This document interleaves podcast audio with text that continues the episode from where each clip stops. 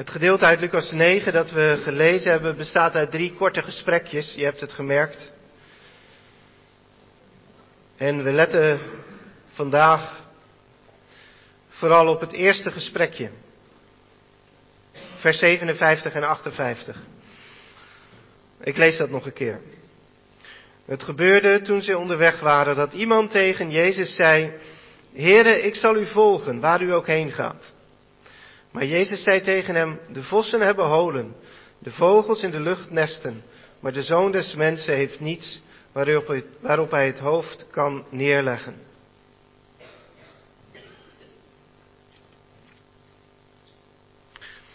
Gemeente van Christus, sinds eh, de sociale media er zijn, kun je aan iemand vragen, hoeveel volgers heb jij? Je kunt ook vragen hoe lang zit je er per dag op. Dat deden we pas op categorisatie. Iemand kwam tot acht uur schermtijd per dag. En eh, volwassenen doen het misschien, nou ja, we zitten allemaal wel op een aantal uren. Maar je kunt ook vragen hoeveel volgers heb jij? 100, 200. Facebook heet het vrienden. Twitter heet het volgers.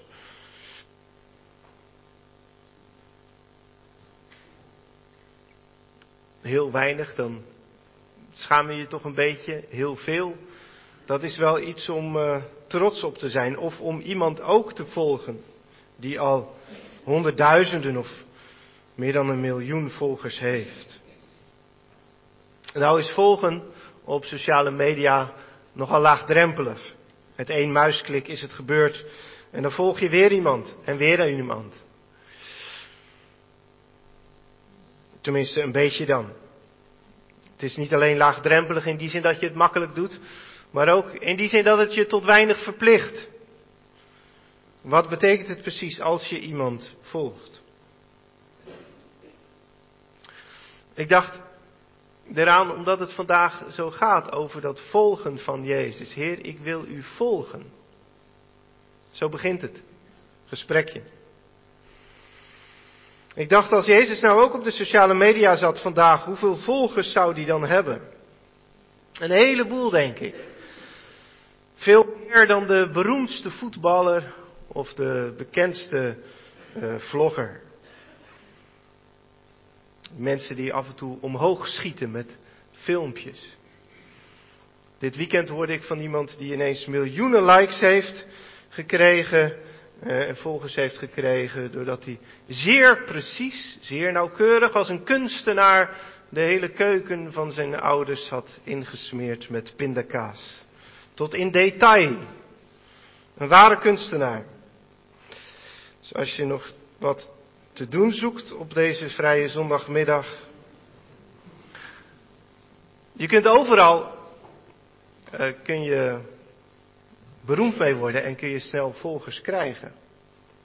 Ik twijfel er niet aan of Jezus zou ook heel veel volgers hebben in onze tijd. Want zelfs buiten het christendom is Jezus een zeer gewaardeerde figuur. Je hoort eigenlijk nooit iemand zeggen, Jezus, wat een waardeloze figuur. Die wil ik niet bij me in de buurt hebben. Christenen vereren hem als de zoon van God of als de redder, de verlosser. Niet-christenen hebben diepe bewondering voor hem. Als een mens, een uitzonderlijk mens, uitzonderlijk in zijn liefde en doorzettingsvermogen. In zijn bereidheid om het kruis te ondergaan terwijl hij onschuldig was. Jezus zou ongetwijfeld heel veel volgers hebben. Maar dan, wat zou Jezus daar zelf van vinden? Rare vraag misschien, maar daar kom ik ook op naar aanleiding van het Bijbelgedeelte van vandaag. Want daar blijkt, Jezus volgen is nog heel iets anders dan hem volgen zoals je iemand volgt op de sociale media. Kijk, daar is iemand die Jezus wil volgen. Heren, ik zal u volgen waar u ook heen gaat, zegt hij. Dat is fijn. Dat is bemoedigend voor Jezus. Want Jezus is dan al een beetje een uitgestotene geworden in Israël. Vlak voor dit gedeelte staat het gedeelte uh, met het kopje erboven, Jezus door de Samaritanen verworpen. En dat is een voorbode voor wat straks Israël ook gaat doen. Verworpen, ontvolgd. Maar nu is er toch maar mooi iemand die zegt, Heer, ik zal u volgen. Heb je dat ook al een keer gezegd? Diep in je hart.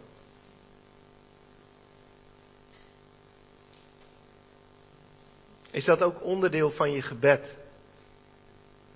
Bidden is niet alleen vragen. Bidden is ook steeds weer beleiden, steeds weer kiezen, steeds weer zeggen wat je, wat je wilt, wat je verlangt. Heer, ik zal u volgen.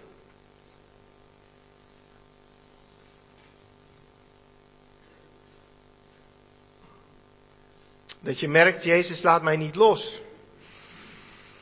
En als ik hem de rug toekeer, dat voelt niet goed. Ik moet hem blijven volgen. Ik wil hem volgen. Dan mag je aan deze figuren hier in de Bijbel een voorbeeld nemen. Een, een goed voorbeeld, een mooi voorbeeld. Je mag je gewoon aanmelden bij Jezus. Net als deze man of vrouw hier. Je hoeft nergens op te wachten. Sommigen zeggen je moet wachten tot je geroepen wordt. Maar ook dat hoeft niet. Dat zie je. Deze man of vrouw is niet geroepen. Jezus heeft hem niet geroepen. Jezus zegt niet van, oh, oh, oh. Zo makkelijk gaat dat niet. Ik moet je eerst roepen. Nee. Hij meldt zichzelf aan. Heer, ik wil u volgen.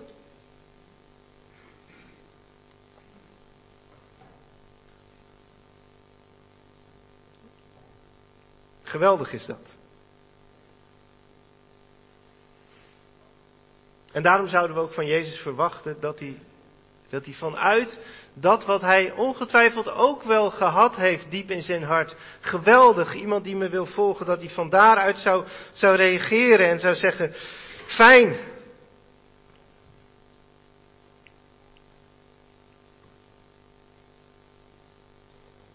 Gelukkig.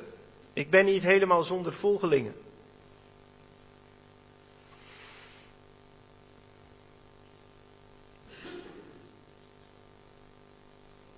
Ik ben verworpen door de Samaritanen, maar hier heb ik een volgeling. In het begin had het nog veel meer geleken. Maar Jezus zou er nu wel blij mee zijn, want in het begin liep weliswaar de hele schare achter hem aan, een hele menigte liep achter hem aan. Maar ja, hoe gaat dat met volgen? Je kunt ook weer makkelijk stoppen, je kunt ook weer makkelijk ontvolgen. Je ziet het fotootje van iemand die je volgt. En dan staat er ook de mogelijkheid naast ontvolgen. Klik. Ontvrienden. Klik. Waar we nu zijn in het Evangelie hebben velen dat al met Jezus gedaan. Ze volgen Hem niet langer. Maar nu is er iemand die zich weer aanmeldt. Heren, ik zal u volgen. Wat zegt Jezus nu? Gelukkig kom erbij? Nee. Jezus aarzelt. Want hij weet heel goed hoe dat zit met volgen. Nu, maar ook toen. En hij weet dat het niet gaat om de aantallen. Je kunt duizend volgers hebben op de sociale media en toch zo eenzaam zijn. Als een vreemdeling in de woestijn. Je kunt duizend zogenaamde vrienden hebben. En toch moet de ziel alleen zijn. Dan is het goed om te weten. En iedereen die wat rijper geworden is in het leven weet dat. Als je twee of drie echte vrienden hebt om je heen dan mag je heel dankbaar zijn. En Jezus weet dat. Jezus gaat straks merken wie zijn echte vrienden zijn. Onder het kruis straks staan er nog twee. Johannes en Maria. Een van zijn, van zijn discipelen en zijn moeder. En dan zegt die vrouw, zie uw zoon, zoon, zie uw moeder. Dat betekent een heleboel, maar dat betekent ook gewoon, kijk, jullie zijn het nou. Zoek elkaar maar op, want jullie zijn de enige twee. Jullie horen nu bij elkaar, want jullie zijn de enigen die hier nog staan. Dat is kerk zijn. Dat je samen overgebleven bent en dat je zegt, nou, dan gaan we dus met elkaar doen.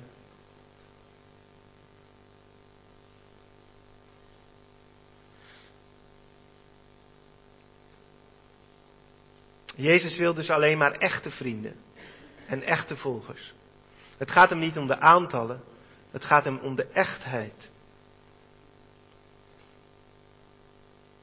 En daarom reageert Jezus anders dan we zouden denken. Want hij, hij begint deze potentiële volger, die zegt, Heer, ik wil u volgen, die begint hij eigenlijk te waarschuwen. Zul je het wel doen? De vossen hebben holen, de vogels nesten, maar ik niet. Oftewel, zelfs vossen en vogels hebben een plekje om uit te rusten en op adem te komen.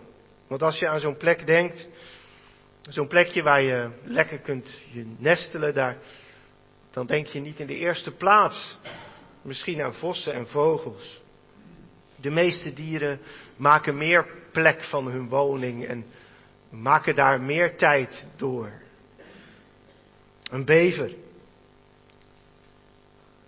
een bever doet niet veel meer dan aan zijn huis bouwen. Maar daarom neemt Jezus juist niet de bever als voorbeeld. Hij zegt eigenlijk zelf die de hele nachten rondtrekken, heleboel kilometers afschouwen. Aan het einde van de nacht zijn zelfs zij weer thuis en kruipen in hun hol. En zelfs vogels, hij noemt ze niet voor niks de vogels in de lucht. Dat wil zeggen, de vogels, als je zo ziet vliegen, dan denk je, die hebben helemaal geen woonplaats nodig. De vogels in de lucht. Maar zelfs die zijn niet altijd in de lucht. Vroeg of laat landen ze op hun nest. Want alles wat leeft, streeft naar een nest, naar warmte, naar een thuis.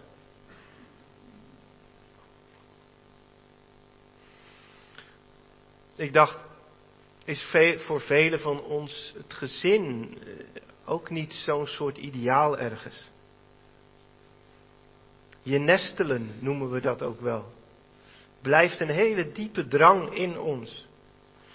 Je woont een poos bij paps en mams en dan ga je het huis uit en dan kom je iemand tegen en dan zeggen we, dan ga je je nestelen. Dan ga je jezelf ergens vestigen. Zo mogelijk een huisje kopen, een gezinnetje stichten. Wij mensen zijn wel het allermeest op zoek naar een thuis. Een eigen huis, een plek onder de zon en altijd iemand in de buurt die van me houden kon. Natuurlijk, Jezus heeft het niet over dieren, hij heeft het over mensen. Over ons diepste verlangen, een verlangen naar een thuis. Een verlangen waarvan we hopen dat Jezus het wil vervullen. Is bij Jezus komen niet zoiets als thuiskomen? Een plek vinden, je nestelen inderdaad.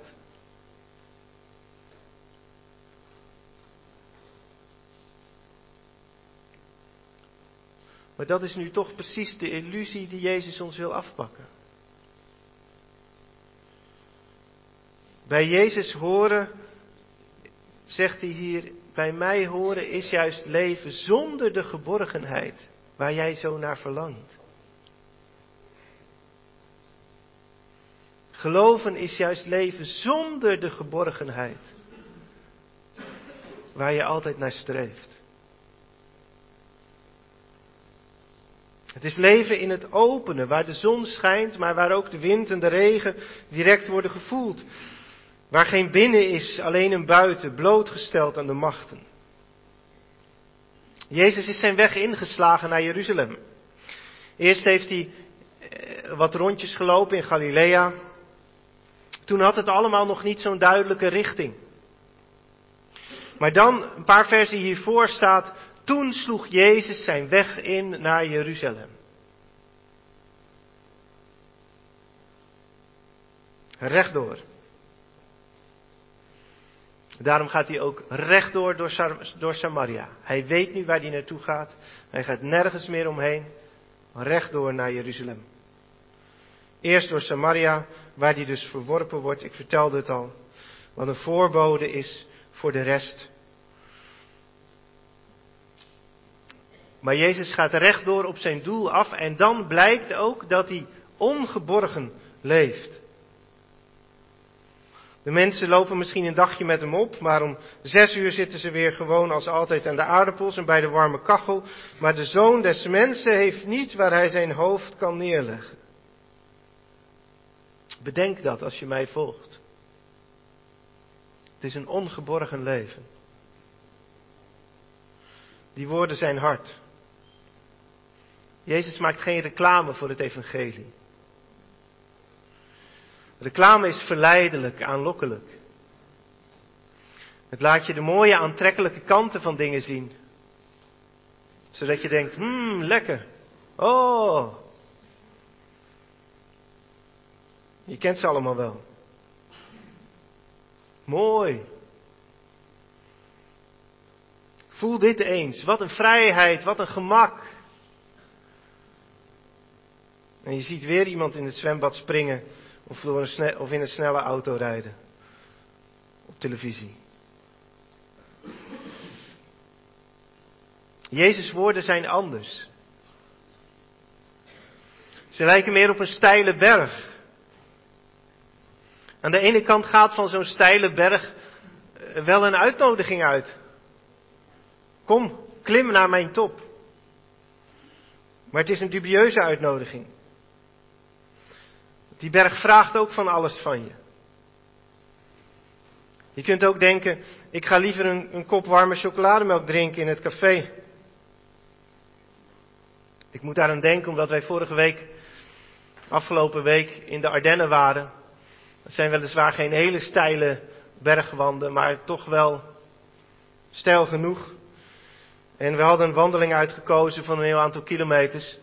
En die, die bleek te beginnen bij een leuk café. En te eindigen. En ik zei, nou, als we hem volbracht hebben, dan gaan we hier nog uh, warme chocolademelk drinken met elkaar. Maar dan zegt er natuurlijk ook iemand, dat kunnen we ook nu meteen doen en dan gewoon weer naar huis rijden.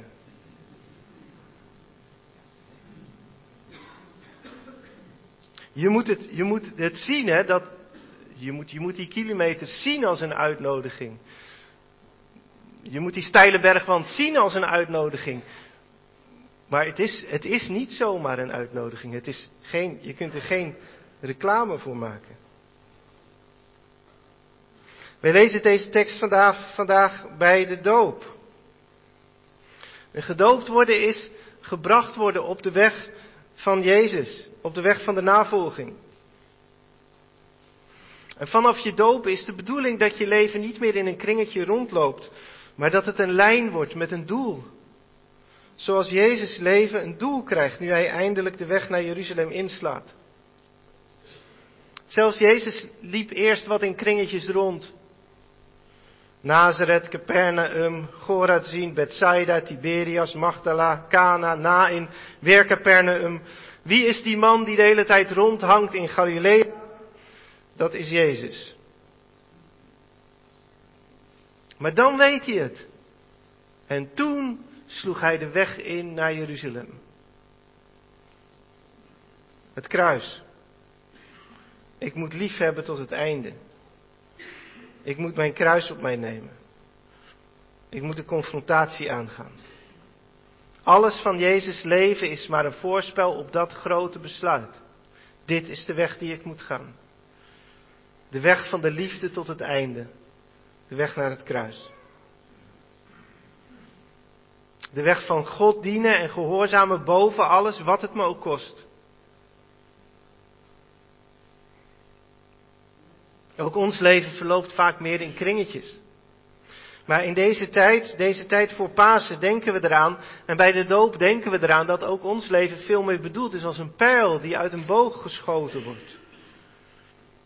Bij de geborgenheid vandaan In de ongeborgenheid van de liefde en het lijden. In deze veertig dagen voor Pasen denken we daaraan. Dat dit de weg van Jezus is. En dat dit ook onze roeping is.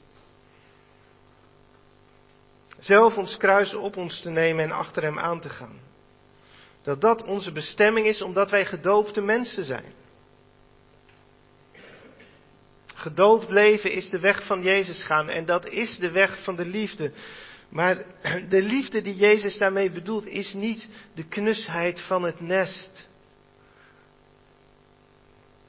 De knusheid van het nest waarin je je opsluit en de boze buitenwereld zo ver mogelijk buiten houdt.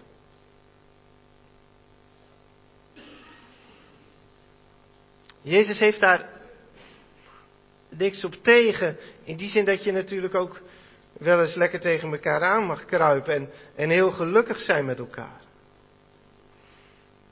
Maar de weg die Jezus is gegaan is een ander soort liefhebben. Het liefhebben van God en van de naaste op een radicalere manier. Een manier die juist het lijden en de boze buitenwereld niet vermijdt, maar juist bewust ingaat. Een liefde die dus ook een offer durft te zijn. Een liefde die ongeborgen durft te zijn.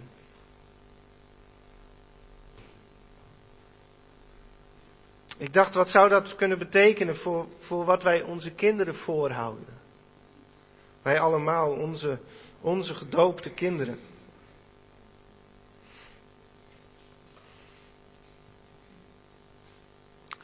Nou, dat geloven dus ook niet alleen maar fijn is, dat. Dat je dat ook meegeeft in de opvoeding. Want als Jezus dat hier zegt, dan is dat nog steeds waar. Geloven is niet alleen maar fijn. Geloven heeft ook iets van loslaten van dat wat fijn is. Kwetsbaar durven zijn. Anders durven zijn dan anderen andere keuzes durven maken dan anderen. En iets van eenzaamheid zelfs. Iets van ergens niet aan meedoen. Ergens nee tegen kunnen zeggen. Waar anderen allemaal ja tegen zeggen. Niet voor alle reclames van de wereld bezwijken. En niet bij alles waarvan je denkt, oh lekker, daar achteraan lopen. Maar luisteren naar wat je niet ziet, maar wat je hoort. Van God. Verder kijken dan deze wereld. Hoop op het eeuwige leven vasthouden, op het koninkrijk van God. Dat komt. Vrede stichten. Niet voor jezelf kiezen. Allemaal dingen die niet populair zijn, die je leven ongeborgen maken omdat anderen het niet doen. Omdat God je anker en je oriëntatiepunt is. Ik denk dat de zondag daar geweldig bij kan helpen en ook voor gemaakt is. Als een dag die geheiligd wordt, die apart gezet wordt van de rest van de week, zodat wij onze ogen blijven richten, in ieder geval één keer per week, op dat andere wat God wil geven, het koninkrijk van God die richting van ons leven. Dat dat niet verdwaalt en wegzakt in de drukte van de week.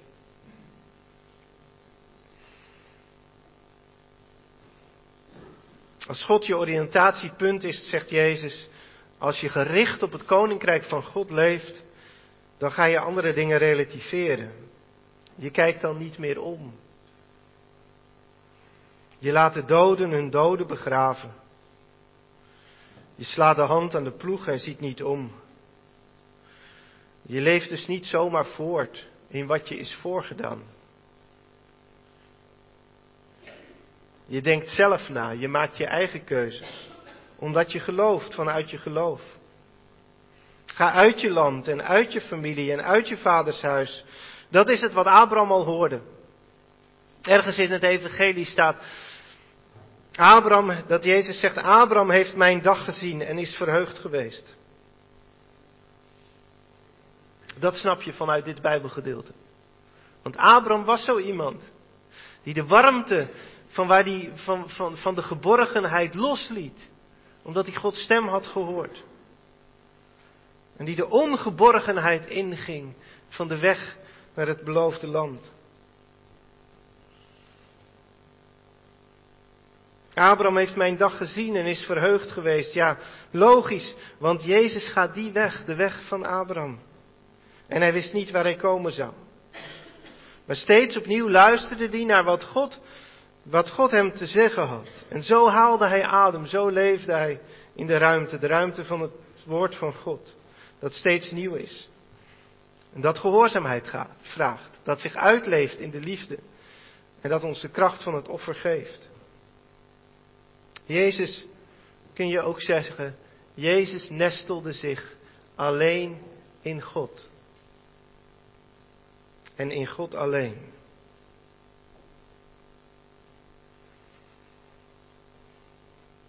Dat maakte hem heel kwetsbaar in de wereld. Volkomen ongeborgen.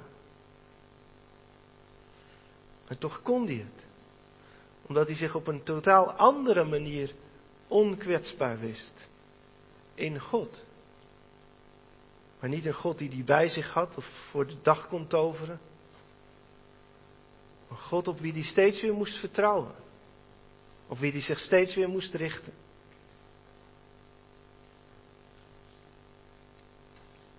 Gaan een lied daarover zingen. Over stilte die er dan toch bij hoort. Een ongeborgen leven en toch ten diepste een stil leven. En vreesloos leven. Stil, wees stil, mijn ziel. En wees niet bang. Als we echt niet meer bang zijn, dan durven we dat ongeborgen leven van Jezus aan. Amen.